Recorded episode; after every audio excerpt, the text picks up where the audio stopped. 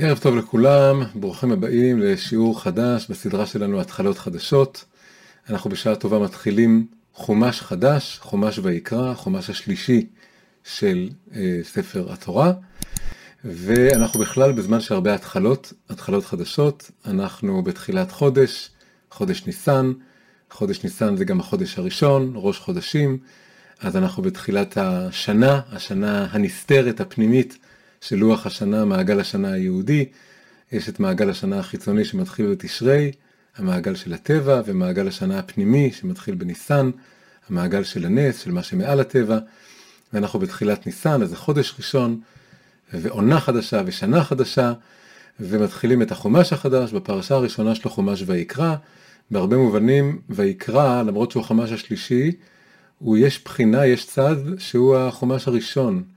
למה? כי הרי ידוע שיש מנהג ישראל שילדים בחיידר, ילד יהודי מתחיל ללמוד, הוא הולך לחיידר, הדבר הראשון שהוא לומד זה חומש ויקרא, מתחיל מויקרא, מהפרשה שלנו. ולמה כתוב יבואו טהורין ויתעסקו בטהורין או בטהרות? אה, יש משהו בלב הטהור התמים של הילד שיכול בפשטות אה, לפתוח את חומש ויקרא, כמה שהוא החומש הכי קשה, הכי משונה לאדם המודרני. אה, אנחנו מתחילים ממש ככה להכניס לי את הידיים שלנו לתוך עובי הקורה של המציאות, של החיים, של החומר, של הגוף, של הבשר, של הקורבנות. אה, לחתוך כביכול בבשר החי של הנפש שלנו, להקריב קורבנות. אבל לילד טהור, העיסוק בדבר הזה הוא פשוט, הוא תמים, וזה מחבר אותו לעומקי הקדושה בעצם של התורה. החומש הזה הוא לא, הוא לא סתם הלב של, של התורה, באמת יש כאן משהו שזה הלב, את המשכן בנינו, אבל עכשיו עבודת המשכן צריכה להתחיל, וזה בעצם החיים עצמם.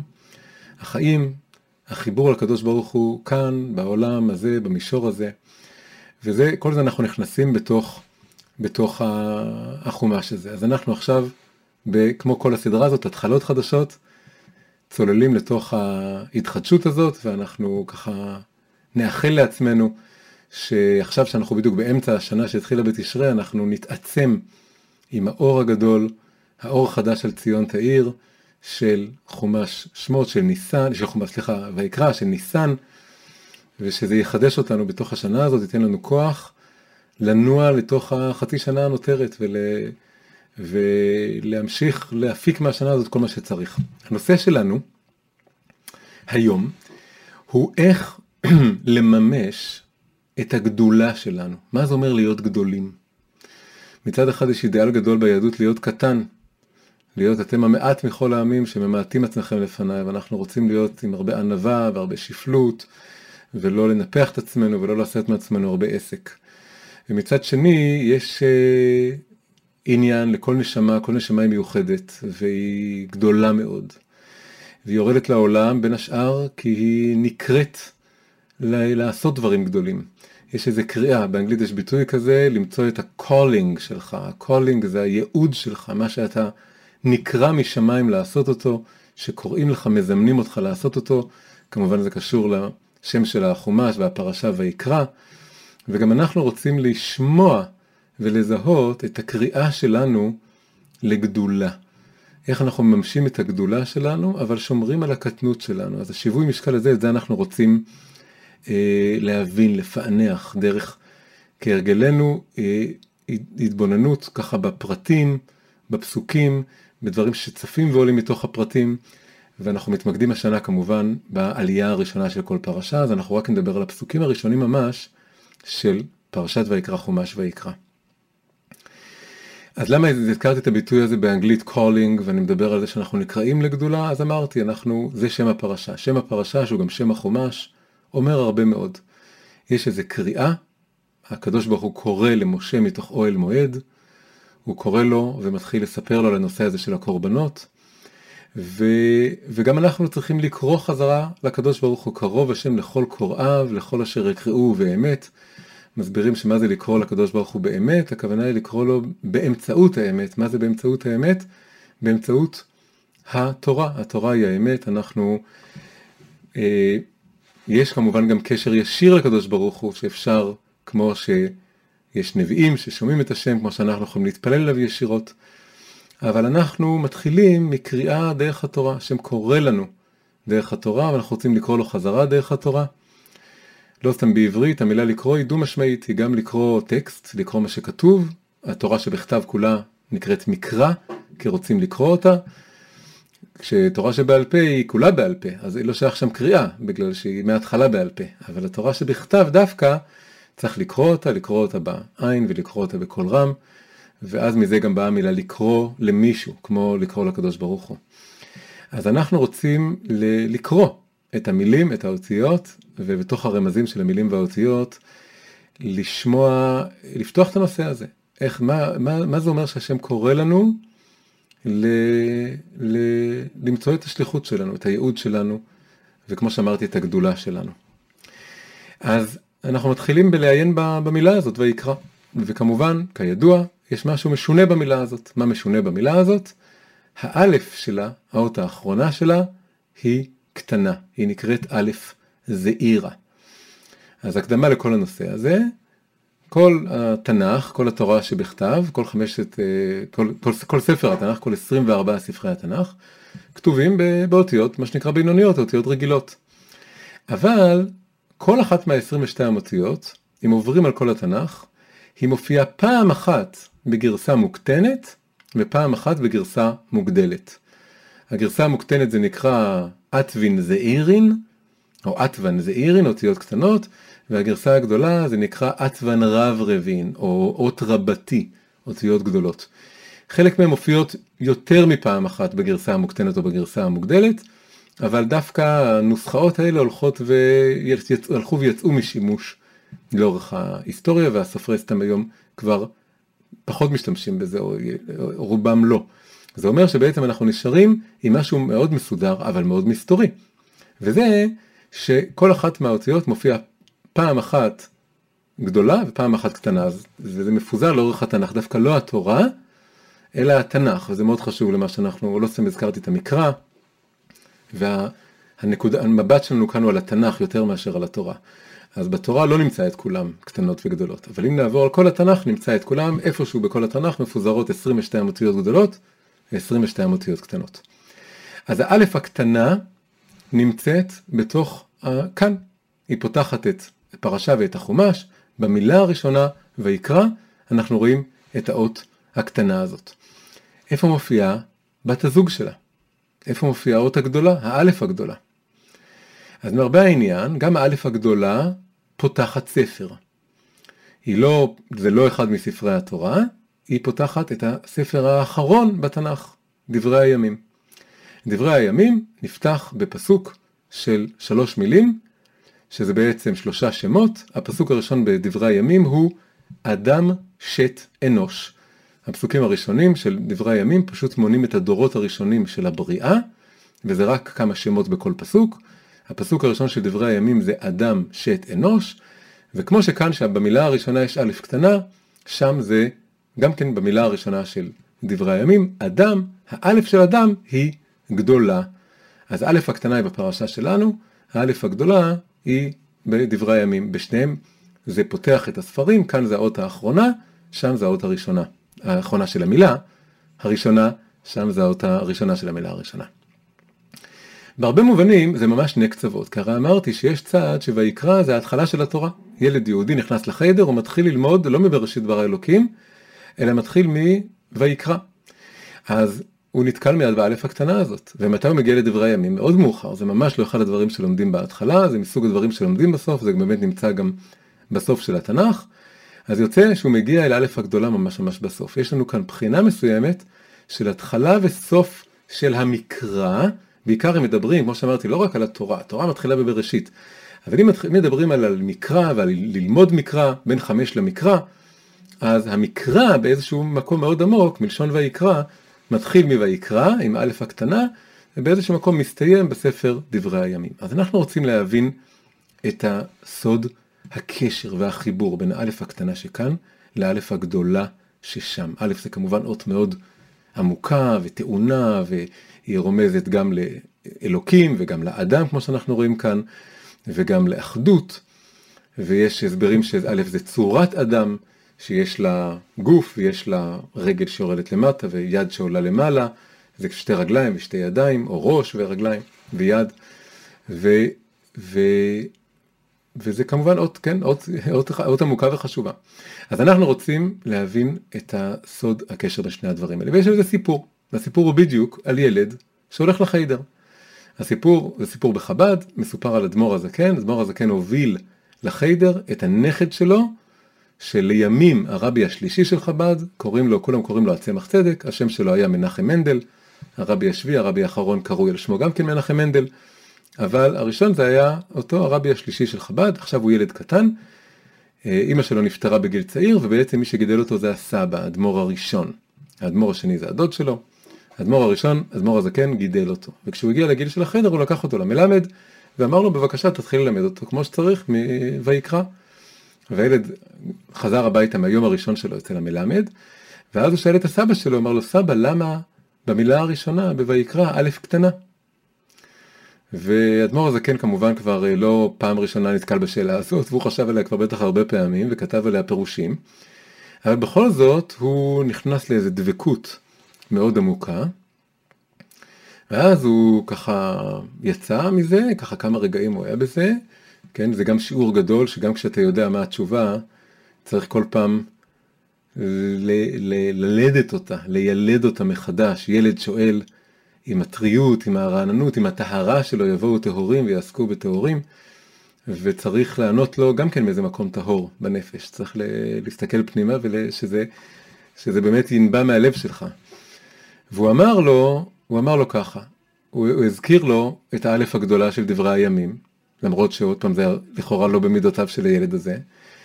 הוא אומר לו שהאדם היה באלף גדולה, ועל משה נאמרה האלף הקטנה, בעצם יש לנו כאן שני אלפים, זה משה ואדם. הוא אומר, אדם הראשון, היה לו מעלה עצומה, הוא היה יותר חכם ממלאכי השרת. הקדוש ברוך הוא ברא אותו בצלמו, הוא הנשמה הראשונה בעולם, הוא כולל את כל הנשמות. הוא הכיר במעלת עצמו, אבל הוא החשיב כל כך את מעלת עצמו, שהוא פגם. היה לו מעלה עצומה, אבל הוא פגם בה מרוב שהוא החשיב את עצמו. זה מה שנקרא, הוא מאוד חש את עצמו. ואז הוא קלקל, וזה היה מקור כל הנפילה שלו. כל החטא של אדם הראשון היה בגלל שהוא הכיר במעלה שלו, אבל נורא החשיב את המעלה שלו, בעצם הגדיל את מה שנקרא הישות שלו, והגדלות הזאת הביאה למפלה שלו, מרוב שהוא החזיק מעצמו כזה גדול. משה רבנו גם היה גדול, אבל משה רבנו הכיר גם במעלת עצמו. אבל לא רק שהוא לא החשיב את מעלת עצמו, בדיוק הפוך, כתוב עליו, והאיש משה עניו מכל האדם אשר על פני האדמה. מה הכוונה? הכוונה היא שהוא חווה את עצמו כפחות טוב מכל אדם בעולם. יהודי, לא יהודי, גבר, אישה, מבוגר, צעיר, חכם או טיפש, הוא הרגיש באמת שהוא פחות מכל אדם אחר בעולם. הוא הכיר במעלת עצמו, אבל הוא אמר, אם, אם כל אדם אחר בעולם היה מקבל את המתנות שאני קיבלתי, את הזכויות שיש לי, אם הוא היה נגיד דור שביעי מאברהם אבינו, כל השביעין חביבין, יש לו איזה בחינה שזה מעלה גדולה להיות דור שביעי ממישהו. והוא היה גדל בארמון, והוא היה מתגלה אליו הקדוש ברוך הוא בסנה, והיה זוכה למה שאני זכיתי, הוא ודאי היה עושה עבודה יותר טובה ממני. הוא בטח היה מגיע למדרגה יותר גבוהה ממני. כל אחד אחר בעולם, אם היה לו את המתנות שאני קיבלתי, הוא בטח היה ככה, הוא בטח היה רץ עם זה יותר רחוק, עושה עם זה משהו יותר גדול. ככה משה רבנו חווה את עצמו, מסביר אדמו"ר הזקן לנכד שלו. אז לכן אנחנו צריכים ללמוד מזה, הוא אומר לו, שאנחנו צריכים להיזהר מאוד לא להיות, לא לחטוא כמו האדם הראשון, ולא להגדיל את עצמנו ולנפח את עצמנו ולהרגיש גדולים, כמו האלף של האדם הראשון שנפל, אלא להיות כמו האלף הקטן, האלף הזעירה, האלף של ויקרא, של משה רבנו שידע להקטין את עצמו. ככה מספר אדמו"ר הזקן לנכד שלו, הצמח צדק, שכמובן הוא, הוא כבר מתעתד אותו להיות אדמו"ר יום אחד, כן? ויש פה התחלה של חינוך של איך, איך אדמו"ר מחנך אדמו"ר מהרגע שהוא ילד קטן, הוא מחנך אותו איך להיות גדול ולהיות קטן באיזשהו אופן אה, אה, ביחד, או לא לאבד את הקטנות שלו. עכשיו כמה דברים מעניינים יש על הסיפור הזה לפני שנעבור למה הרבי מלובביץ' בא ועושה לסיפור הזה, שבעצם הופך אותו על פיו. שני דברים. אחד, יש עוד סיפור מפורסם על אדמו"ר הזקן, שהוא פתאום ככה, על שאלה פשוטה, מוריד את הראש, מרכין את הראש שלו וחושב. מסופר שפעם בא איזה מישהו, לא חסיד, בא אל ה...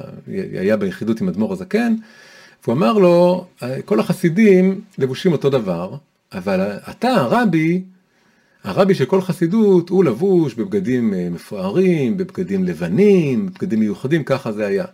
רגילים בחב"ד של הדור שלנו שגם הרבי התלבש כמו, כמו כל החסידים, כולם לבושים אותו דבר. אבל זה אחרי שבעצם אה, הלכו והפסיקו לאט לאט עם העניינים האלה, אבל בכל הדורות וגם בדור של אדמו"ר הזקן, הרבי היה לבוש לבן והיה מאוד ניכר שהוא משהו אחר לגמרי. אז אותו דבר, אדמו"ר הזקן פתאום ככה הרכין את הראש, ואז הוא ענה לו שהחסידים זה כמו גוף, וכל אחד הוא איבר בגוף, ויש מישהו יד, ויש מישהו רגל, ויש מישהו בטן, ויש מישהו ראש. ואת הכתר שמים על הראש. אז הרבי הוא הראש, אז עליו שמים את הכתר, זה לבוש בצורה מיוחדת. טוב, אז הוא קיבל או לא קיבל והלך, ואז שאלו את אדמו"ר הזקן, אמרו לו, ענית לו את התשובה הכי פשוטה עלי אדמות, מה, בעצם מה, מה ענית לו? ענית לו, למה הרבי לבוש מיוחד? כי הוא רבי. מה זה מין שאלה, שאלה מצחיקה, ותשובה מצחיקה. לא הייתי צריך לחשוב על זה, למה היית צריך להרכין את הראש? אז אדמו"ר הזקן אמר, אני, מה שהם ראיתם כאן זה כמו שמשה רבנו כשקורח אה, בא ומרד בו ואמר כל העדה כולם קדושים ומדוע תתנשאו, אז גם כן כתוב וישמע משה ויפול על פניו. ולמרות שהוא ידע את התשובה, התשובה היא שהשם בחר בו להנהיג בו ובאהרון. אבל הוא היה צריך לנקות את עצמו מכל שמץ של גאווה. הוא היה צריך לראות שהוא לא עונה ממקום, כי למה קורח בא ואומר לו? למה אני הייתי, אני אדמו"ר הזקן, הייתי צריך לשמוע את היהודי הזה שבא ושאל את השאלה הזאת? הוא בעצם חושד בי בהתנשאות. מכיוון שכל דבר משקף אצלי משהו, אני באמת צריך לבדוק את עצמי. אז הייתי חייב לעשות את זה. ככה גם, זה עוד פעם קשר למשה רבנו וקשר לעניין של הענווה ועניין של להקטין את עצמו, אבל גם בהקשר של גדולה. אז זה סתם דבר מעניין להזכיר בהקשר הזה. ודבר שני, זה גם שלחת היום בפנינה, מי שקיבל, שזה מתחבר יפה לשאלה למה יש כאן, מה, מה רש"י אומר על, ה, על האלף הקטנה הזאת. הוא אומר שיש כאן הבדל בין אה, משה רבנו לבין הנביאים של אומות העולם. שמשה רבנו זה ויקרא, לשון חיבה, קשר. והנביאים של אומות העולם, כמו על בלעם, כתוב ויקר אלוקים אל בלעם, זה משהו מקרי יותר, זה לשון קרי, לשון מקריות, וכדי ליצור את ההבדלה הזאת. אבל זה עדיין לא מסביר למה יש פה את שתי הבחינות האלה. אז זה נראה שבאמת משה רבנו מצד עצמו, מרוב שהוא עניו, מרוב שהוא מקטין את עצמו, הוא מבחינתו מספיק לו לכתוב ויקר, כמו שהוא כותב על בלעם, ויקר אלוקים, הוא גם מוכן לכתוב על עצמו ויקר. כי הרי הוא לא מרגיש יותר טוב מבלעם, הוא אומר, אם, יותר, אדרבה, הוא אומר, אם בלעם היה לו, היה לו את מה שלי היה, הוא היה נביא יותר טוב ממני. אז הוא, אין לו שום בעיה לכתוב את המילה ויקר, אבל הקדוש ברוך הוא הוסיף את האלף. אז זה ככה במאמר מוסגר. עכשיו בכל מקרה, מה שיוצא לנו מכל השני מאמרים מוסגרים, מה שיוצא לנו מכל הדבר הזה, זה שלפי הפירוש הזה, לפי הסיפור הזה, שני האלפים האלה, האלף הגדולה הופכת לשלילית. והאלף הקטנה הופכת לחיובית, בצורה שנראית מאוד מאוד פשוטה. ככה אדמו"ר הזה כן הסביר לנכד שלו. תיזהר לא להיות כמו האדם הראשון, שכל כך הגדיל את עצמו, והוא חטא, וזה שלילי, ואל ת, תהיה גדול בעיני עצמך, ותהיה כמו משה רבנו קטן, תקטין, תהיה כמו א' של ויקרא, לא כמו א' של אדם הראשון. אבל בא הרבי מלובביץ' ואומר, מתחיל לעיין בסיפור הזה כדרכו, כמו שהוא בחב"ד, כן, ובכל החסידויות, לא רק מדייקים בכל אה, פרשה ובכל פסוק ובכל מקור בחז"ל, גם בסיפורים, במסורות שעוברות בתוך החסידות, יש להם איזה נוסח מסוים. הם מתחילים מאוד לדייק בהם, וכל מה שקשור באדמו"רים הקודמים מאוד מדייקים, אז הוא מדייק ואומר יש פה המון דברים מוזרים אם זה ככה. אה, זה מוזר למשל שהוא נורא הדגיש שגם אדם וגם משה הכירו במעלת עצמם. למה הוא היה צריך להזכיר שם פעמיים? שבאמת היה להם מעלה גדולה. סימן שזה לא כזה פשוט. הוא אומר גם מה פתאום לדבר בגנות אדם הראשון זה לא נראה הגיוני שכל המסר פה הפואנטה פה בסוף זה לרדת על אדם הראשון זה לא סביר. והוא אומר הכי חזק אולי שיש תורה שלמה של אדמו"ר הזקן זה מה שהוא אמר לנכד אבל יש תורה שלמה של אדמו"ר הזקן שאומרת בדיוק הפוך אומרת שהאלף הגדולה של אדם זה שהוא היה הנשמה הכי גדולה עם האורות הכי גדולים והכי גבוהים וה, והקטן של משה זה שמשה לעומת אדם הרבה יותר קטן ממנו. אז הכל בדיוק הפוך לגמרי. והוא אומר גם כל ילד ברור לו שכשאתה רואה עוד גדולה, אז סימן שהתורה מחשיבה אותה, היא מרוממת אותה, היא מגדילה כדי לתת איזה נפח גדול, להגיד משהו, יש פה איזה מעלה, יש פה איזה גדולה, לכן זה עוד גדולה. והיא מקטינה להפך, אז, אז זה לא כל כך פשוט, לא יכול להיות שזה כזה חד ממדי, שהאלף הקטנה היא טובה, היא קטנות ושפלות וכולי, והאלף הגדולה היא גאווה וישות ומשהו כזה. אלא, יש פה סיפור הרבה יותר מעניין מזה. מה הוא אומר? הוא אומר בעצם, אה, אה, האלף הגדולה היא גם רומזת למעלה אמיתית של אדם הראשון. באמת אדם הראשון היה נשמה מעולה, היא מעלה, נשמה עצומה וגדולה. והוא גם, האדמו"ר הזקן אמר את זה שם, שהוא היה יותר חכם מלאכי השרת. ולא רק זה, גם הבעיה, לא הייתה בעיה בזה שהוא הכיר במעלת עצמו, זה שהוא הכיר במעלת עצמו זה דבר מצוין. אלא הבעיה הייתה איכשהו האופן שבו הוא החשיב את זה, שהוא חש את זה. יש פה כנראה איזה מין דילוג, איזה מין מעבר לא נכון בין לזהות את המעלות שלך, את הגדולה שלך, ש, שאתה צריך להכיר בה, לבין לא להתנפח ממנה, או לא להפוך אותה פתאום לאיזה מין לנכס את זה לעצמך ולהרגיש שאתה הוא הגדול, ואתה הוא, ה... זה הכל אתה והכל הזכויות שמורות לך, אלא יש פה איזה איזון לשמור עליו בין להכיר במעלה של עצמך, לבין להרגיש שזה מתנת חינם שבאה מלמעלה, ואדרבה, אם מישהו אחר היה מקבל את זה, הוא יכול להיות שהוא יעשה יותר טוב ממני, אני יכול עליו ללמד זכות, שהוא בטח היה עושה הכי טוב בעולם עם זה, ועל עצמי אני, אני, אני קצת יותר קשוח עם עצמי, בגלל שאני אני צריך לעבוד על עצמי, לא על אחרים. אז אני צריך לוודא שבאמת כל הזמן אני עושה הכי טוב עם מה שקיבלתי. אחרים אני יכול ללמד זכות שהם בטח עושים כבר את הכי טוב שהם יכולים, אבל על עצמי, אני מכיר את עצמי. בכל אופן, הוא אומר כאן, הוא לאט לאט מסובב את כל הסיפור למצב שמתיר ומעודד וקורא לנו להכיר בגדולה שלנו ולא רק בקטנות שלנו. הוא אומר, הוא אומר בעצם, יש קריאה שטחית של הסיפור וקריאת עומק של הסיפור.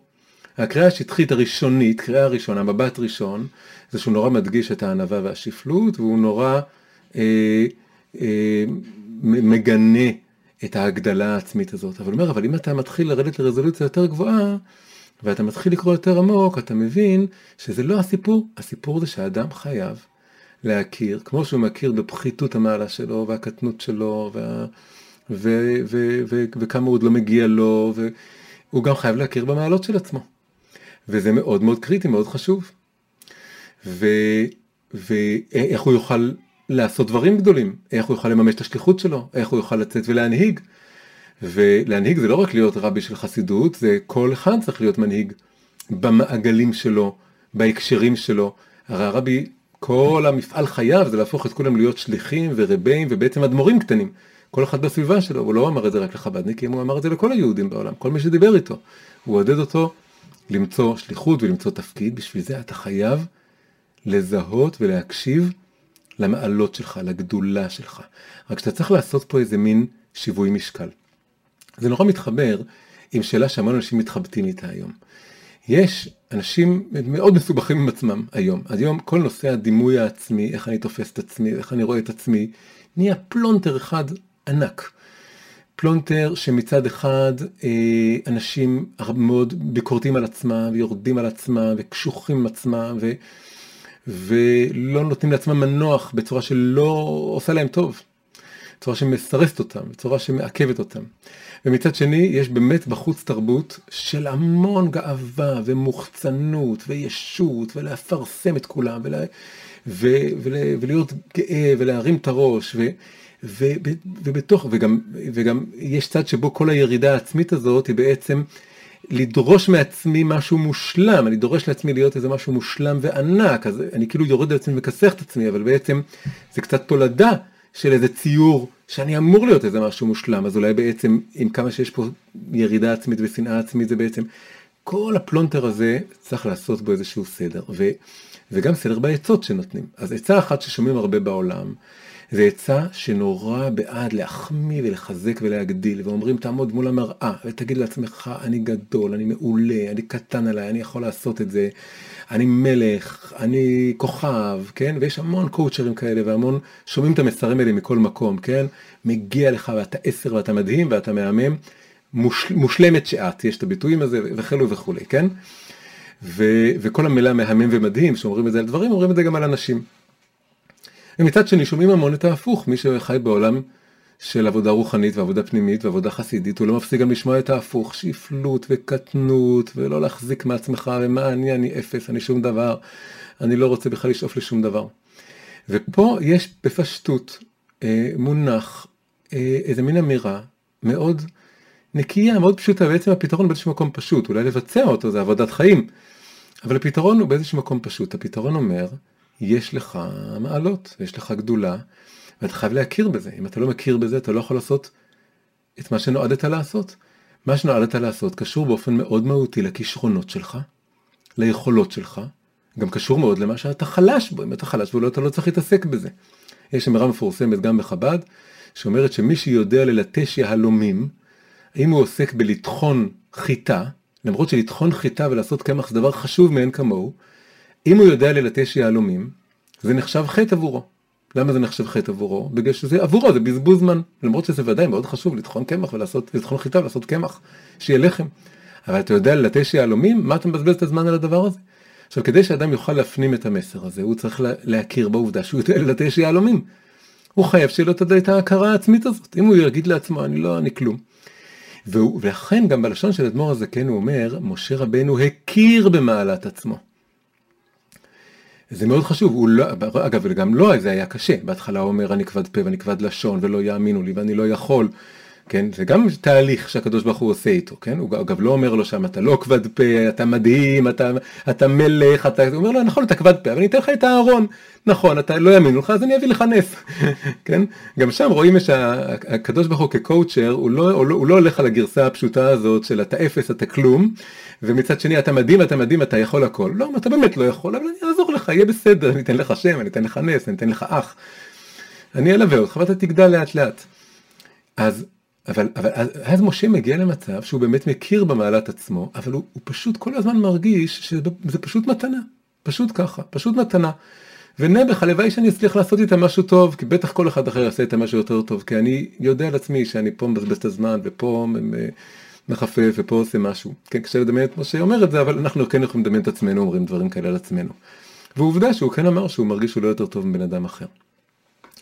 אז יש כאן זיהוי של המעלות, מעלות האמיתיות, ויחד עם זה אה, איזה מין זהירות, באיזה, יש איזה קו, איזה נקודה, שבה אני מזהה את המעלה שלי, את הכישרון שלי, ואת היכולת שלי, ואת הערך שלי, ואת המתנה שלי, ואני לא נותן לזה להפוך למה שהאדם הראשון עשה, שזה, שזה מה שנקרא עולה לי לראש. ואני מרגיש שזה, שזה הסיפור שלי, ואני מתחיל לצייר את הדברים ככה, ואז אני מתחיל לצייר את זה שמגיע לי, מגיע לי כך וכך, ויש לי... אה, ולכן אגב, זה, כל הדבר הזה מאוד קשור גם לנושא שלי, הקריאה, לשמוע את הקריאה שלי, מה אני נקרא לעשות. יש פה הבדלה בין הקריאה של האגו שלי, שזה הדימוי העצמי שלי שאומר מגיע לי כך וכך, אני, לבין הקריאה האמיתית שהיא שקטה יותר.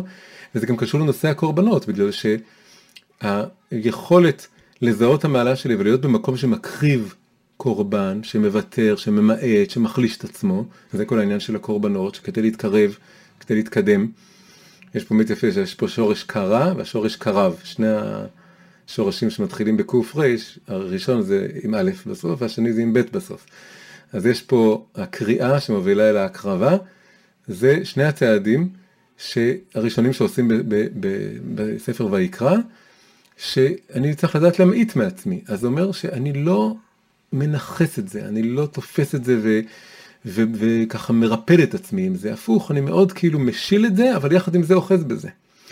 וזה זה, זה הדבר הראשון שאנחנו רואים פה משהו ככה מאוד מאוד יפה. אז הרבי לאט לאט מוציא מכל הדבר הזה, שנכון, יש פה ודאי את האלף הקטנה של הענווה של משה רבנו, ענב מכל האדם, ויש את האלף הגדולה של הגאווה והישות שהאדם הראשון ניפח את עצמו, ויש גם צד הפוך, יש צד הפוך, וזה שהאלף הגדולה היא באמת גדולה, והאדם הראשון באמת גדול, והוא לא אומר את זה, אבל אנחנו יכולים להגיד את זה, שיש גם א' קטנה שלילית קצת אצל משה בתחילת דרכו, שהוא לא מאמין בעצמו שהוא יכול לצאת לכל המסע הזה.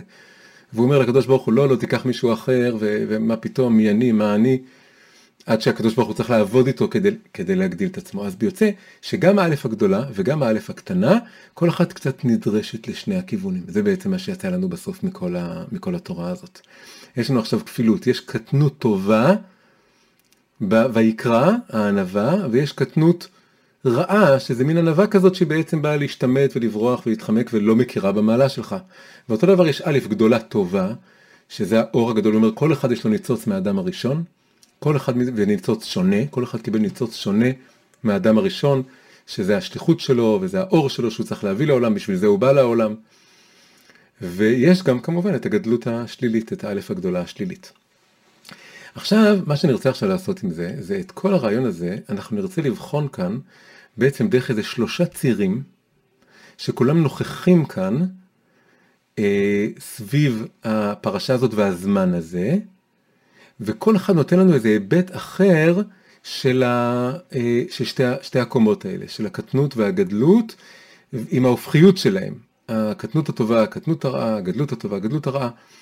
יש פה בעצם, אפשר לראות את זה כשלושה צירים שונים, שניים מתוכם הם פה בשני הפסוקים שלנו הראשונים, ויקרא, והפסוק הבא זה אדם כי יקריב מכם קורבן אה, מן הבהמה, אה, תקריבו את קורבנכם, מן הבהמה, מן הצאן ומן הבקר. הפסוק הראשון זה ויקרא, נקרא רגע את שני הפסוקים. אז הפסוק הראשון זה, איפה זה? רק שנייה, אני לא רוצה לצטט לא נכון.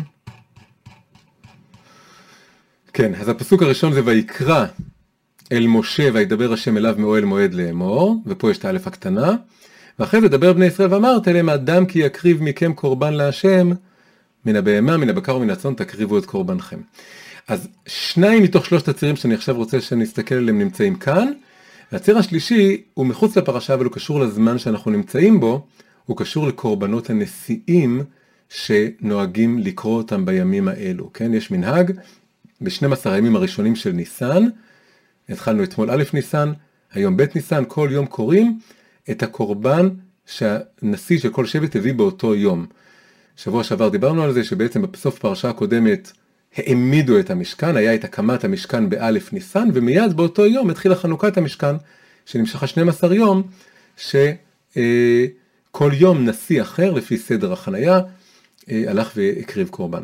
אז עכשיו נסתכל שלושת הצירים, למה זה יפה? כי כל ציר נותן לנו פשוט עוד איזה היבט על, על, כל, על כל הרעיון הזה שהצגנו. אז הציר הראשון, בעצם כבר יש לנו אותו כאן. זה ציר של קטנות וגדלות. יש לנו א' קטנה וא' גדולה, רק שלכל אחת יש לה שתי בחינות. יש קטנות טובה ורעה, יש גדלות טובה ורעה. אבל הציר הראשון מסתתר כאן באלף הקטנה, שמתכתבת עם האלף הגדולה של אה, דברי הימים, של אדם, אדם הראשון, והציר הראשון שצריך להיות לנגד העיניים זה קטנות לעומת גדלות. בהתחלה חשבנו שאני צריך להיות רק קטן ולא גדול, אבל ראינו שזה בעצם יותר מורכב. אני חייב להכיר בגדלות שלי בגדלות של הנשמה שלי, באור הגדול שיש לי להביא לעולם, ויחד עם זה להיות בקטנות ביחס לזה, להרגיש אסיר תודה, ולא להרגיש שזה הופך אותי למישהו שמגיע לו ושהוא יכול, ההפך מלהקריב קורבנות זה להיות בקורבנות, ברחמים עצמיים ו, ומין סרט כזה שמגיע לי ו, וחייבים לי ולא נותנים לי ואכלו לי ושתו לי, ו, אז, אז לא, בקטנות ביחס לגדלות הזאת. הציר השני קשור לפסוק השני. הפסוק השני כתוב אדם כי יקריב מכם קורבן להשם מן הבהמה תקריבו את קורבנכם. מה יש לנו כאן בציר הזה? יש לנו אדם ובהמה. אדם ובהמה זה בעצם נקרא לזה הציר האדם בהמה זה ציר הרוחניות ארציות. הציר של המקום הגבוה שלי, האדם שבי, כתוב רוח האדם עולה למעלה, ויש גם בתוכי בהמה, מה שנקרא נפש בהמית בחסידות, נפש ארצית, נפש חייתית, נפש של תאוות, נפש של חשק, נפש של, של אה, מקום מגושם יותר, וזה נקרא, זה נאמר, רוח הבהמה יורדת לי למטה. אז זה עוד ציר שיש לנו כאן. ובעצם כשמחברים את שני הצירים האלה, לפי כל הרעיון הזה שיש בעצם שתי נפשות באדם, או שתי בחינות אני באדם, אני של הנפש הבהמית, ואני של הנפש האלוקית, או אני של הבהמה שבי, ואני של האדם שבי, בכלל צריך להזכיר שכל הפסוק הזה, אדם כי יקריב מכם קורבן להשם, מסבירים את זה שלא כתוב כאן אדם מכם כי יקריב קורבן, כמו שהיינו מצפים, אלא אדם כי יקריב קורבן, אדם כי יקריב מכם קורבן להשם. אבל צריך להיות מכם מתוככם, מתוך מה? מתוך הבהמה שבך זה יוצא, זה כל הפירוש החסידי לדבר הזה. אדם כי יקריב, מאיפה הוא יקריב? מכם, מתוך עצמכם, מתוך הנפש הבהמית שלכם צריך להקריב את הקורבן. אז בעצם אנחנו עוברים עכשיו פנימה לנפש, ויש לנו ש... שני אני, ואז צריך להגיד איך זה הולך עם הגד... עם... איך מח... עכשיו נחבר את שני הצירים האלה ביחד, איך הולך הציר של הקטנות גדלות עם הציר של נפש בהמית נפש אלוקית, מי מבין שתי הנפשות האלה, מי הגדולה ומי הקטנה? האם הנפש הבהמית היא הגדולה או הקטנה? האם הנפש האלוקית היא הקטנה או הגדולה? אז התשובה היא מסתתרת בספר הזוהר, ספר הזוהר כתוב משפט חידתי, כתוב מאן דאי הוא זעיר אי הוא רב ומאן דאי הוא רב אי הוא זעיר, כמו אות רבתי ואות זעירה, הפירוש של זה זה מי שהוא גדול הוא קטן ומי שקטן הוא גדול. איך מסבירים את זה? מסבירים הכוונה היא מי שמגדיל את עצמו וחווה את עצמו כגדול ורואה את עצמו, מנפח את עצמו, הוא בעצם מאוד קטן ומי שמקטין את עצמו וחווה את עצמו כקטן הוא בעצם מאוד גדול. עכשיו אפשר לקחת ולהכיל את זה בעצם על שתי הנפשות ולהגיד את הדבר הבא. להגיד שהנפש הבהמית היא באמת באמת מאוד קטנה. מה הכוונה היא שהיא מאוד קטנה? הכוונה היא שהיא נורא לא מיוחדת ולא מעניינת ולא... אה, אין לה דברים גדולים להביא לעולם או חדשים או מיוחדים. היא, היא מאוד קטנה, היא מאוד פשוטה. היא נפש מאוד קטנה, אבל היא חווה את עצמה והצד הזה בתוכנו חווה את עצמו כמאוד גדול. וכל העניינים בעולם הזה שהם כמה שהם יותר מגושמים, ככה הם במהות שלהם יותר קטנים, אבל הם נראים יותר גדולים. אני פותח את העיניים, אני רואה עולם, אני רואה את הגשמיות של העולם. הגשמיות של העולם, היא, העולם הזה הוא הרבה יותר קטן לעומת אין סוף עולמות עליונים רוחניים שקיימים מעבר לעולם הזה. אבל זה נראה הכי גדול, את העולמות העליונים, אולי הם שם, אולי הם לא שם, אני לא יודע, אולי זה סתם מיסטיקה, אולי זה רק רעיונות, אני לא יודע. העולם הזה, הגשמי, הגשמיות, ו, וגם הגשמיות שבי, או הבהמיות שבי, או הנפש הארצית הנמוכה שבי, האני הנמוך שלי, הוא מציג את עצמו בתור הכי גדול, בתור כל מה שיש, אבל בעצם הוא נורא קטן. הוא קטן, הרבה יותר קטן מנפש האלוקית, שהיא בסוף חלק אלוקה ממעל ממש, היא משהו אינסופי. אז היא נראית גדולה, היא מציגה את עצמה כגדולה, היא נחווית כגדולה, אבל בעצם היא נורא נורא קטנה. הנפש האלוקית בדיוק הפוך, הנפש האלוקית זה הגדלות שלי, שם הגדולה שלי. באורות הרוחניים שלי, בחידושי דורה שאני צריך להוריד לעולם, ב... במבט הטוב והמאיר, ב... ב... ב... בטוב שאני יכול להביא לעולם. זה הנפש האלוקית שלי, היא בעצם מאוד גדולה, עצומה, מה שיש לי שם זה, זה לא, לא ישוער. אבל היא נורא נורא צנועה, היא נורא ביישנית, היא נורא קטנה, מציגה את עצמה. היא נחבאת אל הכלים, והיא חבויה ידינה. בעצם אפשר להגיד שהאני שלה הוא לא אני בכלל, הוא בבחינת עין. האני של הנפש האלוקית זה אני. והאני, סליחה, האני של הנפש הבהמית זה אני, והאני של הנפש האלוקית זה עין. שניהם מתחילים באלף, הם הם, הן הן שתי האלף שיש לנו כאן. רק שהשאלה היא לאן אתה דורש את זה. אז האלף הקטנה של משה רבנו כאן, של הויקרא, זה יכול להיות הקטנות הטובה, ההצטנעות של הנפש האלוקית, וזה יכול להיות גם, אם אתה מתכחש למעלות שלך, אה, קטנות אה, שלילית.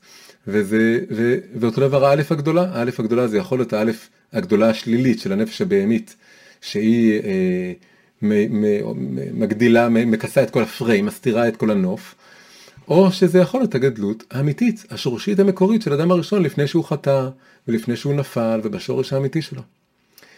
אז עכשיו שני הצירים התחברו ויוצרים לנו משהו מאוד מאוד יפה. יש לנו ש- שני אני, משני אלפים, מהתבוננות כללית כזאת, זה נהיה פתאום אדם כי יקריב מכם קורבן להשם מן הבהמה, אז, אז זה, עכשיו זה גם ברור באמת מה ההקרבה. ההקרבה היא לזכך ול...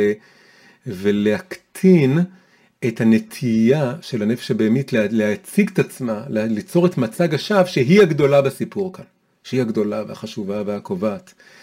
וכמה שאני יותר מר, מקריב ממנה, ומשייף אותה, ומגלף אותה, ומקלף אותה, אז ככה היא חוזרת לפרופורציה האמיתית שלה, היא מהאלף הגדול השיק, הגדולה השקרית, לאלף הקטנה של האני באמת יותר קטן שלי. ולהפך מתפנה המקום יותר ויותר מתוך ההקרבה הזאת לאדם שבי, אדם כי יקריב מכם קורבן. האדם שבי, האני הגבוה הגדול שמגיע מהאדם הראשון, הרי בעצם האדם הראשון נמצא כאן בפסוק הזה, הוא, הוא האדם שמקריב. אז האלף הגדולה האמיתית, האני הגדול האמיתי, שהוא בעצם מציג את עצמו כעין. זה קצת כמו כל דממה דקה ששומעים אותה אחרי שהרוח והרעש והאש חולפים. מי עושה רוח ורעש ואש? הנפש הבהמית. הנפש הבהמית עושה המון רוח והמון רעש והמון אש, ובעצם בעצם כל הרעש הזה מסתיר שאין לה הרבה מה להגיד. היא אומרת דברים נורא פשוטים ומשעממים ולא מעניינים, ושלא לא, לא בונים גם דברים רציניים ועמוקים וחשובים לאורך, לאורך אה, ימים ושנים. ו... אבל אם אני יודע ללכת מבעד לרוח והרעש והאש שלה, אז פתאום אני יכול לשמוע את הקול דממה דקה של הנפש האלוקית שלי, שהיא כמו שהיא מחכה בסבלנות שאני אשמע אותה, ואז כשאני מקטין את הרעשים האלה, אז באמת הפרופורציות בדיוק מתהפכות. והאלף הגדולה השקרית של הנפש הבהמית מתקטנת, והאלף הגדולה האמיתית של הנפש האלוקית הולכת ומגיחה ומאירה מתוך כל הדבר הזה. אז יש שני הצירים הראשונים, שבעצם מסתתרים כאן בשני הפסוקים הראשונים של הפרשה, האלף הקטנה שמזכירה לי את האלף הגדולה של דברי הימים, והאדם כי יקריב מכם קורבן להשם מן הבהמה. שיוצר את ציר האדם הבהמה, נפש אלוקית נפש בהמית, והנה חיברנו אותם. הציר השלישי, כמו שאמרתי, הוא לא בפרשה, אבל באיזושהי צורה נורא מעניינת, הוא דווקא ממשיך בצורה הרבה יותר ישירה את הפרשה הקודמת. הפרשה הקודמת הסתיימה באלף ניסן בהקמת המשכן, ועניין הנשיאים שאנחנו מתחילים, התחלנו אתמול, להגיד אחרי התפילה שאומרים את הקורבנות הנשיאים, זה בדיוק מה שקורה, למרות שזה מופיע במדבר, מופיע במדבר פרק ז', מה קורה שם? קורה דבר נורא מוזר. כל הנשיאים באים אחד אחרי השני, וכולם מביאים בדיוק אותו קורבן, בדיוק אותם מילים. אותה פסקה חוזרת 12 פעמים, שוב ושוב ושוב ושוב ושוב. לא מובן למה, למה צריך את זה, תגיד שכל אחד הביא את הקורבן הזה. כל ההבדלים זה שהוא כתוב את שם הנשיא, ואיזה שבט, ובאיזה יום זה קרה, ביום השני, ביום השלישי. מה הסיפור עם הנשיאים? הנשיאים קשור מלשון התנשאות. ולשון עלייה ולשון גדולה, וזה גם מתחבר לכל הסיפור הזה כאן. ו... ועם הנשיאים פתאום רואים שגם אצלם יש ציר, הוא קשור לגדולה, הוא קשור אולי גם לעניין של נפש באמת נפש אלוקית, למרות שזה לא כתוב מפורש, אבל רואים גם אצלם סיפור של עוד איזה ציר. הציר שם הוא ציר של להיות מיוחד ולהיות רגיל. אני יכול להסביר לכם מה הכוונה. לנשיאים יש איזה פלונטר, יש איזה תסבוך, אם השאלה היא האם אני מיוחד, או האם אני כאחד האדם איש רגיל. וזה בעצם הציר השלישי. הציר הראשון זה ציר הגדלות קטנות, א' גדולה, א' קטנה. הציר השני זה ציר האדם בהמה, נפש אלוקית, נפש בהמית, האנושי שבי, האלוקי הגבוה שבי, והחייתי או הבהמי או הנמוך שבי. והציר השלישי, והוא נורא נורא קשור, זה האם אני מיוחד, או האם אני לא מיוחד. למה זה כל כך קשור לשני הצירים הקודמים? כי יש צד שכמה שאני פחות בהמה, כלומר תפוס בבהמיות שלי, וכמה שאני יותר אדם, ככה אני גם נהיה יותר מיוחד. יש צד שהתאוות אצל הנפש הבהמית זה אותו דבר אצל כולם. כמה שאני יותר קשור בחומר ובחומריות ובארציות, אני דומה לכולם, אני לא, אני לא מיוחד. כמה שאני יותר מחפש את הקשר שלי לאדם הראשון, כלומר את הניצוץ המיוחד שיש בי מתוך אדם הראשון שרק אני יכול להביא לעולם, אז, אז, אז מיוחד מאוד, כל אחד קיבל ניצוץ אחר מהאדם הראשון, מעבר אחר, מקום אחר. ובכלל, כמה שאני יותר הולך על הגבוה, ועל המשמעותי ועל הערכי, אז אם זה אמיתי, זה לא קלישאות וסיסמאות, אז נהיה, הייחודיות שלי יוצאת לאור. יש, יש אמירה כזאת, עצה כזאת, שאומרים שכשמישהו במלחמה הפנימית שלו, בין הנפש האלוקית והבהמית, הוא חלש וקשה לו, אז הוא צריך להביא חבר שלו שיעזור לו, וכשהם ביחד, אז כתוב זה שתי נפשות אלוקיות על נפש בהמית אחת. למה? הרי יש פה שתי נפש בהמית ושתי נפש אלוקית. אבל כנראה שמכיוון שהנפשות הבהמיות הן כולם אותו דבר, כולם דומות אחת לשנייה, אז כשיש חברותה, אז זה שתי נפשות אלוקיות על נפש בהמית אחת, כי הנפש בהמית היא לא מיוחדת. והנפש האלוקית היא כל אחת היא שונה אצל כל, כל אדם. הייחודיות שלנו באה לידי ביטוי בדבר הזה. אז גם זה אומר משהו על הגדלות והקטנות. האלף הגדולה, השקרית, הרעש והרוח והאש וכל הדברים האלה, זה כאילו נראה מקורי נורא, כאילו וואו איזה דברים חדשים, כשאתה מסתכל טוב אתה אומר אה, שמענו זה הכל קלישאות ושמענו את זה. וזה אמירות, כולם מכירים את זה, אבל האלף הגדולה הצנועה הנסתרת היא באמת א' שעוד לא, לא נראתה א' כזאת, באמת פרק א' של איזה ספר שעוד לא נכתב, משהו חדש. עכשיו מה, איפה רואים אצל הנשיאים את הדבר הזה? אז רואים את זה בדיוק במעבר מהפרשה הקודמת לקורבנות הנשיאים שעכשיו אנחנו אומרים. בפרשה הקודמת מה קרה? זה היה מלאכת המשכן. יש מלאכת המשכן ועבודת המשכן. מלאכת המשכן זה הבנייה של המשכן, עבודת המשכן זה להביא את הקורבנות. במלאכת המשכן הנשיאים פגמו, חטאו, לא היו עד הסוף בסדר. מה הם עשו? הם אמרו, אנחנו נחכה שכל האנשים הרגילים, שאנחנו מעליהם ושונים מהם, הם יביאו, יתרמו את כל מה שהם צריכים, יביאו את האורות ואת החומרים ואת הסממנים ואת העצים ואת כל מה שצריך. כשהכל הכל ייגמר, וכל האנשים הרגילים יביאו, שאנחנו בוודאי זה לא, אנחנו לא ודאי לא מצווים בדבר הזה, אנחנו לא אמורים להיות חלק מזה, אנחנו הנשיאים. אז אנחנו מה שנשלים את מה שחסר. ו, וזה מה שהיה, בסוף כולם הביאו את הכל, מה היה חסר? היה חסר רק את אבני החושן לחושן של הכהן הגדול. ואז אמרו מצוין, זה גם קודם כל זה הכי יקר כנראה. ובאמת זה 12 אבנים ל-12 נשיאים, כל אחד יש לו איזה אבן מיוחדת מיוחדת אינדיבידואלית. אמרנו הציר פה זה מיוחד בניגוד לרגיל, הם הרגישו אני לא רגיל. ובסוף באמת הם הביאו משהו נורא מיוחד, הם הביאו כל אחד את האבן המיוחדת שלו, באמת כל אחד אולי היה לו ירושה, כל אחד זה ירש מלוי וזה ירש מיששכר וזה ירש מיהודה וזה ירש מזבולון, כל אחד ירש את האבן הזאת, או היה לו את האבן הזאת, ובאמת ברגע שהם אמרו אני לא חלק מהאנשים הפשוטים, היהודים הפשוטים, מהעמך, אז באמת האינדיבידואליות שלהם באמת התנוצצה והופיעה, אבל התורה גינתה אותם, וכתוב שם הנשיאים בלי יהודים, כתוב נון, סין, א', מ' סופית, ובגלל הניקוד אני יודע שזה נשיאים. וח, וחז"ל אומרים, רש"י מביא את זה, שזה בעצם היה, קצת הענישו אותם, ירדו להם, החסירו מהם, בגלל ההתנשאות שהייתה להם, שהם הרגיע, רק רצו להתמקד בזה שהם מיוחדים. עכשיו שימו לב מה הסיפור פה, הם באמת מיוחדים. ובאמת כל אחד הביא איזה אבן חן, יש לכל אחד איזה חן באמת ייחודי וחד פעמי, זה לא שהם דמיינו שהם מיוחדים, הם באמת מיוחדים. אבל הפגם היה שהם רק הרגישו שהם מיוחדים. כלומר אם אמרנו שכל הסיפור ש... שמשה, שמה שהרבי למד מאדמו"ר הזקן מכל הסיפור הוא שאתה צריך להכיר מעלת עצמך כי באמת יש לך מעלה גדולה, אתה באמת אבן חן מיוחדת, פתית שלג שאין כמוהו בעולם. אבל אתה חייב להוסיף קטנות לכל הדבר הזה ולהרגיש שזה לא אתה בכלל, וזה מתנה שקיבלת, וזה שליחות, וזה תפקיד. וודאי אחרים יעשו את זה יותר טוב, וכל הסיפור הזה. והם לא שמרו על האיזון הזה. הם, הם רק הרגישו את המיוחדות של עצמם, הם באמת מיוחדים, הם באמת בסוף הביאו כל אחד אבן חושן שאין כמותה, ותרמו אותה, והנה, ויצא לנו את אבני החושן, איזה יופי, כל השילוב היפה הזה של הצבעים והגוונים. אבל התורה לא אוהבת את זה, והיא מוצאה להם את היהודים האלה, והיא משפילה אותם קצת כדי לאזן את זה. כשמגיע, נגמר, ואז הם, מבין, הם הבינו את זה כנראה. בגלל שמה שקורה באלף ניסן, ב-12 ימים האלה זה באיזשהו מקום בדיוק הפוך. כל אחד מביא בדיוק אותו קורבן. הקונטרסט הכי גדול, שהתורה חוזרת על אותם פסוקים בדיוק, שכל אחד מביא בדיוק את אותו איל ואותו בקר ואותו זה ואותו צאן וזה משקלו כסף ככה וזה משקלו אני לא זוכר בעל פה. ו, ו, וחוזר שוב ושוב. ופה הם כאילו הכי הפוך הם אומרים עכשיו הם למדו הם בעלי תשובה והם מבינים שהם הם, הם, הם היו לא בסדר ועכשיו אומרים טוב נתקן עכשיו נהיה לא מיוחדים בכלל. כל אחד יביא בדיוק אותו קורבן אותו דבר כל אחד בא מביא את זה בלי רעש בלי עניין לא אבן חן מיוחדת לא אני בצבע הזה בגבי אני אני ישפה ואני כהחלמה ואני, כן? לא, אלא כל אחד מביא את, ה, את אותו דבר בדיוק, ואז מה, מה חז"ל עושים עם זה?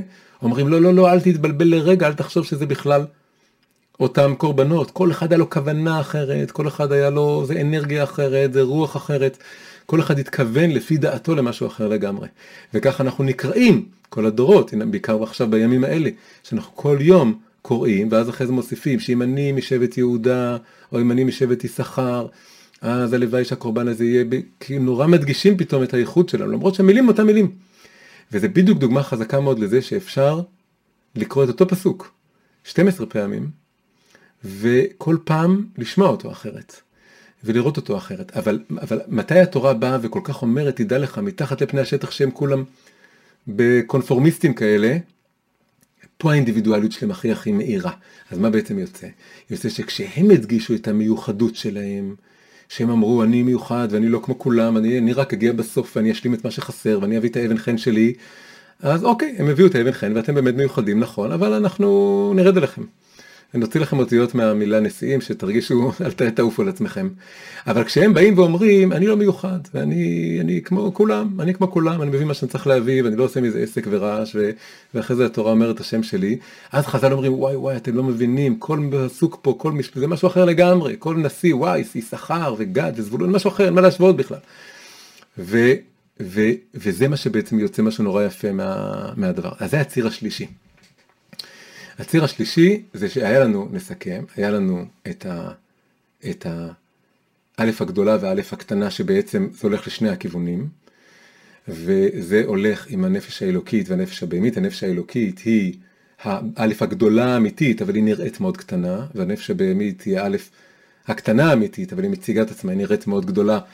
עד שאנחנו עושים את החלפת מרכז הכובד הזה ביניהם והציר השלישי שנוסף לזה, זה הציר של עליות מיוחד מאוד, באמת מיוחד מאוד, שזה א' הגדולה האמיתית, וזה הנפש האלוקית שהיא באמת מיוחדת, לבין עליות לא מיוחד, להיות פשוט, להיות צנוע, וזה נהיה כלי. הכלי פה זה להתחבר לכלל, שאני אני חלק מכלל ישראל, אני לא יותר טוב ולא יותר, כמו שמשה רבנו לימד, וגם הם למדו, בהתחלה הם התנשאו. בניגוד למשה שהיה עניו, אבל אז הם למדו גם להגיד אנחנו, גם, חוץ מזה שאנחנו נשיאים, אנחנו גם סתם יהודים פשוטים. ו, ולהרגיש את, ה, את שני הדברים האלה ביחד, וזה בדיוק האיזון שבעצם התבוננו עליו משלוש זוויות שונות, אבל זה אותו איזון. האיזון זה להכיר בגדלות שלי, להכיר בנפש האלוקית שלי, עם השליחות המיוחדת שלה, להכיר באור המיוחד החד פעמי שיש לי להביא לעולם, שאני נשיא של איזה שבט, כל אחד הוא נשיא של איזה שבט, כך צריך לחשוב, יש לו איזה קבוצה, איזה מרחב, איזה מעגל שם הוא צריך להשפיע, ויחד עם זה להיות במקום הכי הכי בהשתוות ובשווה לכולם ולא מתנשא, וזה נהיה כלי, ההצטרפות לכלל נהיה כלי לאור, לאור, לאותו אור מיוחד ש, שנמצא מלמעלה. ובהקשר האחרון של הציר השלישי הזה אפשר להגיד, שאני זוכר שחוויתי את זה מאוד חזק כשלמדתי אומנות בתיכון, כבר הזכרתי את זה פעם באחד השיעורים, ש... שבלימודי אומנות הקלאסיים לימדו אנשים לא להיות מקוריים ומיוחדים. קודם כל, תלמד איך מציירים, תלמד טכניקה, תלמד אה, פרספקטיבה, תלמד אנטומיה, ואל תנסה להיות משהו. אבל אני פרי החינוך הפוסט מודרני הקלוקל, שכבר בגיל 14 אומר לילדים, תהיה, תמציא, כמעט 4, 15. אם לא אומרים את זה, אז משדרים את זה, אה, שצריך להיות נורא מיוחד, ולמצוא איזה סגנון, ולמצוא את העניין שלך. ואני זוכר שהלחץ להיות מיוחד ומקורי, יצא ממנו בסוף מלא מלא קלישאות, משהו בנאלי נורא. כי, כי זה לא עובר בדרך הארוכה. אז יוצא מזה מין משפט כזה שחשבתי אפשר להגיד, שלהגיד שמהו האויב הגדול ביותר של האינדיבידואליות. של להיות אינדיבידואל, שכל אחד הוא שונה ומיוחד, יש לו אור מיוחד. מה האויב הכי גדול של האינדיבידואליות? היינו חושבים הקונפורמיזם, הקולקטיביות. לא, האויב הכי גדול של האינדיבידואליות זה האינדיבידואליזם.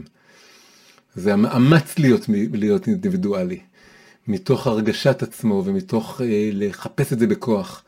ולא להכיר בזה, בפשטות ובענווה. ולתת לזה להתבטא. בלי הסיפור הזה, אינדיבידואליזם, עם האיזם הזה בסוף, שהופך את זה לאיזה עניין. אז זה קצת מה שקרה בעצם עם הנשיאים, בהתחלה הם היו אינדיבידואליסטים, והם באמת, הם באמת מיוחדים, יש להם את האבן, את האבן שלהם, אבל אז אה, מחלישים אותם, מורידים אותם, ואז בסוף שלמדו להיות גם, גם כלל, כלל ישראל, כלליים כאלה, אז באמת האינדיבידואליות שלהם מתחילה להקרין הרבה יותר.